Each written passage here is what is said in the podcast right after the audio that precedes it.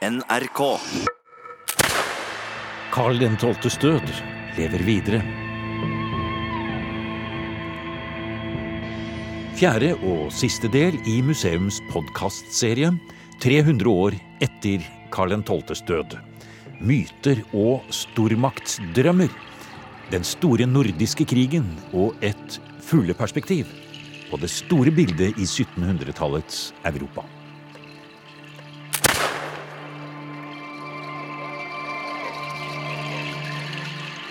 Ja, vi har konsentrert oss om det som skjedde på eh, festningen. Vi har hatt en som virkelig kunne arkitekturen og hvordan de svenskene gravde for å komme på skuddhold. Og vi har vært i Myking på Vestlandet, hvor eh, de hevder at eh, en av bygdas sønner, Jo på Vedlo, faktisk hadde skutt Karl 12., noe han hadde fortalt om sjøl etter å ha kommet tilbake fra Fredrikshall, som det het den gangen. Men vi har ikke satt uh, hele denne situasjonen inn i en større sammenheng. Det må jo ha skjedd noe i forkant her, og det fikk jo en effekt i etterkant. Det syns jeg vi må få litt om. Ja, da må vi se på hvordan svenskene ble militarisert allerede på 1600-tallet, med utskrivning av vanlige bondegutter og til militærtjeneste. Og det gjorde de jo først og fremst for at Sverige kunne krige i Europa og andre steder kanskje da enn her i, i Norden. Men Danmark-Norge måtte følge etter, og derfor ble det militarisering også i Norge, med bygging av festningene i Kongsvinger, Halden og Fredrikstad. Men på en måte så lå Sverige hele tiden ett skritt foran. For svenskene hadde blitt en eh, nær sagt europeisk stormakt, og de hadde jo vyer, vet du. De, altså, jeg tror ikke Norge har hatt noe lignende, eller Danmark-Norge i hvert fall, siden vikingtiden. Men svenskene, de ekspanderte på den andre siden av Østersjøen. Og de slåss mot alle disse småstatene som var der nede den gangen. Tyskland den gangen var jo et lappeteppe av små hertugdømmer. Ja. Og dit ned skulle de, og de vant, og de holdt på, og de sikret seg landområder helt fra 1500-tallet. Så hadde jo svenskene kontroll over eh, Rygen og Stralsund og sånt noe. Og bortover der som vi kjenner som Estland og Litauen og sånn i dag, der holdt svenskene til. Hele det, Finland hadde dem jo. Så det var andre som hadde varma opp for Karl 12.? Han ja, sto i en ja, tradisjon, han ja, da? Ja, de hadde varma opp så det holdt. Og eh, faktum er at da når Karl 12 overtar eh, styringa av Sverige, så har han egentlig et ganske stort imperium. Man kan nesten kalle det for et svensk eh, ja, et stormaktsimperium, da, nærmest i hvert fall i nordisk sammenheng. Ja. Og faktum er at hvis man ser på antall innbyggere i det som var det svenske store imperiet den gangen, så var de jo veldig store i europeisk sammenheng, fordi europeiske stater var ofte sånne bitte små stater. Så de var en stor spiller. Og for eksempel i Russland. De ønsket jo å ekspandere i sitt rike utover mot det som senere blir St. Petersburg. Men det kunne de jo ikke, for svenskene eide jo alt sammen der. Nettopp. Ja. Jeg eh, fikk en, eh, en, en, påminnelse om det. Jeg visste ikke det den gangen. Jeg var på et kurs i Sørvest-Tyskland, og et flott eh, eh område med vindistrikter og flotte topper med, med slott ja. og borger. Men ja. det var ruiner, og jeg spurte ja. hvem er som har ødelagt den? Jo, det er svenskene. det er svensken, ja. da ble jeg litt overraska. Ja, det er nok da både Karl 12. og hans forgjengere.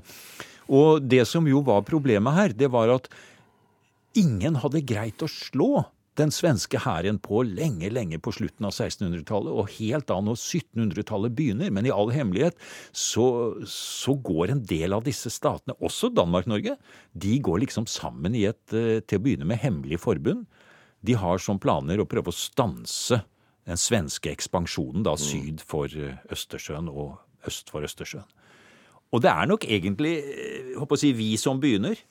Det er egentlig, ja, det er Danmark-Norge som angriper. Eh, sammen med Russland da, og andre allierte. Og de allierte som var med oss, det var jo liksom sånn som eh, ja, Saksen og det som senere blir Polen. og Etter hvert kom Prøysen og Hanover og sånn inn på dansk-norsk side. Og det første gangen da denne nye store koalisjonen skal prøve å ta Sverige, det er jo nettopp da der nede i Estland, nede ved byen Narva. Det ligger ganske nær dagens St. Petersburg, og for Peter den store så var det veldig viktig å få armslag der.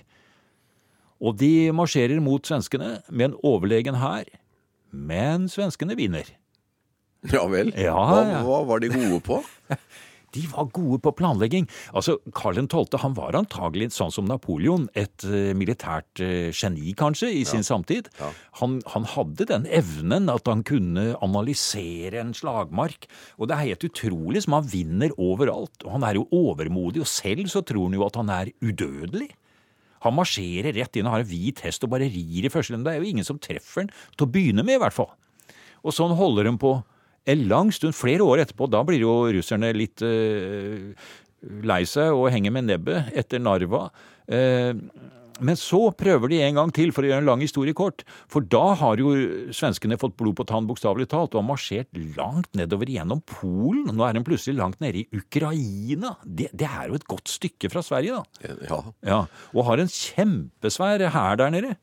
Og nå skal de liksom vinne over statene der nede. I dag ville vi vel kalt det for overmot og alt mulig, og eh, man kan vel nesten forstå at det måtte gå galt. Men i hvert fall så er det da endelig en kule som treffer Karl 12. i låret. da. Han er jo udødelig, mener han selv. Han må ligge i teltet sitt og får ikke vært med på dette slaget nede i Ukraina der. Hvor er den da? Da er den i Poltava. Ja. Dette berømte Poltava. Dette slaget som da har risset seg inn i svensk historie for alltid, og egentlig også i europeisk historie. For da, mens han ligger i teltet sitt, og hans eh, andre generaler og folk da må føre slaget for han, så taper de. Og bare noen dager etterpå så greier jo da russerne å ta til fange 12 500 svenske soldater. De har ikke skutt engang. Det er jo et totalt sammenbrudd av den svenske hæren. Og det er da Karl 12. rømmer videre sydover og ned til Tyrkia og gjemmer seg i byen Bender, hvor han blir i fem år. Og det er egentlig 1709 at den store nordiske krigen slutter, for nå er egentlig svenskene knust.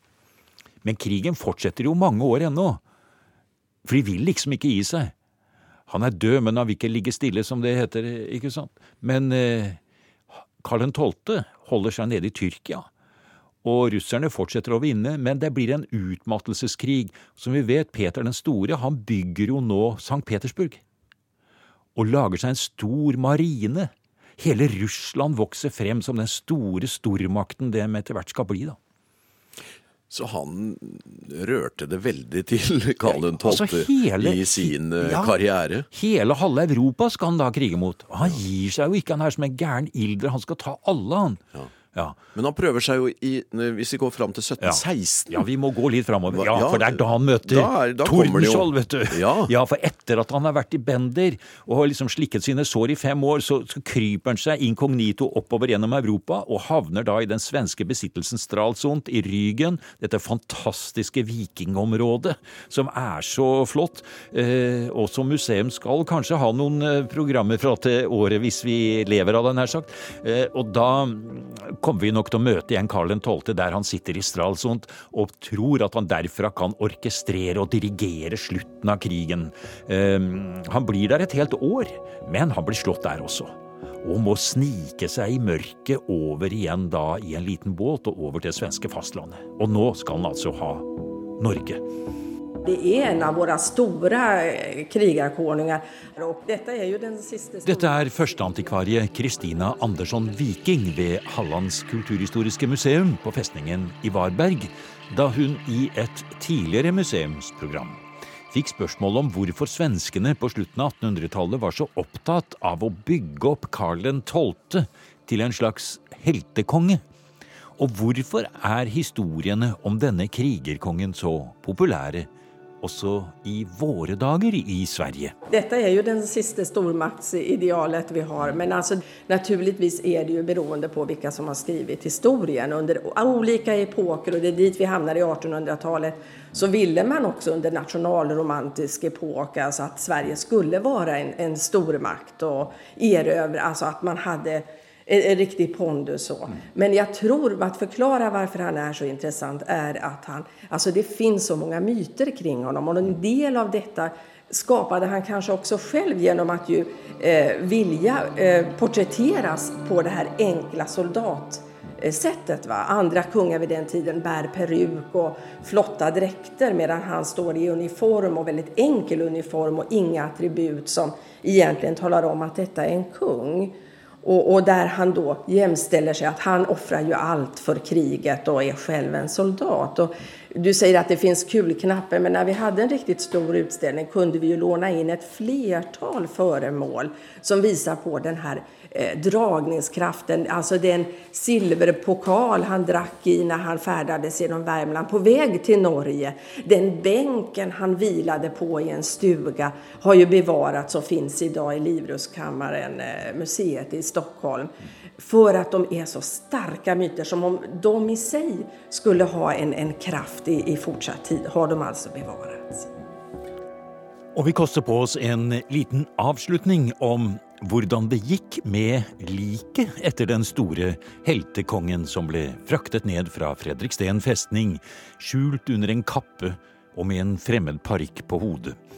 Det kan nesten minne litt om sagakonger og helgendyrking, men det er et faktum, sier Kristina Andersson Viking, at da kongens lik kom fram til Uddevalla over land og skulle balsameres og stelles før skipsreisen videre til Stockholm, så måtte man ta sine forholdsregler for å hindre at kongen skulle gjenoppstå og hjemsøke levende og døde.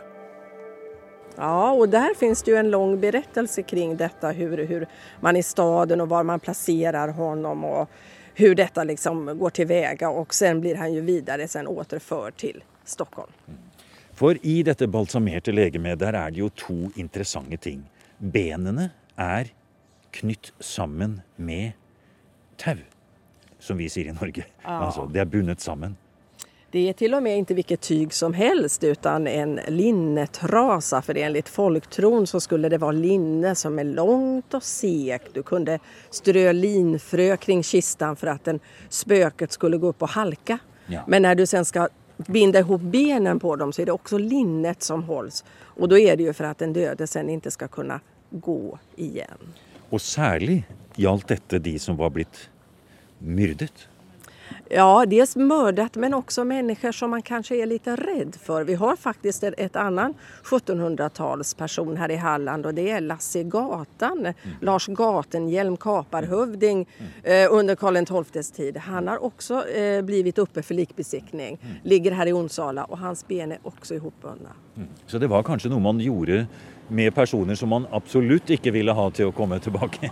Ja, altså ja. mennesker med makt og kanskje som man er litt redd for, og som ja. kanskje til og med er litt onda. Og det var man jo i aller høyeste grad når det gjaldt Karl XII, altså redd for at han skulle komme tilbake igjen. Ja, det kanskje var en Men hel Men kanskje i overført betydning. Men det gjorde han jo også. For den myten om Karl XII, den bare fortsatte jo å leve. Ja, det er jo den, den myteomspunne kungen som vi har å gjøre med her. Mm. Och då får vi ju kopplingarna till kungen, alltså den här historierna om Karl XII som en kung med övernaturlig makt. Mm. Som yttrar sig så att när han är i strid så kunde han inte dödas.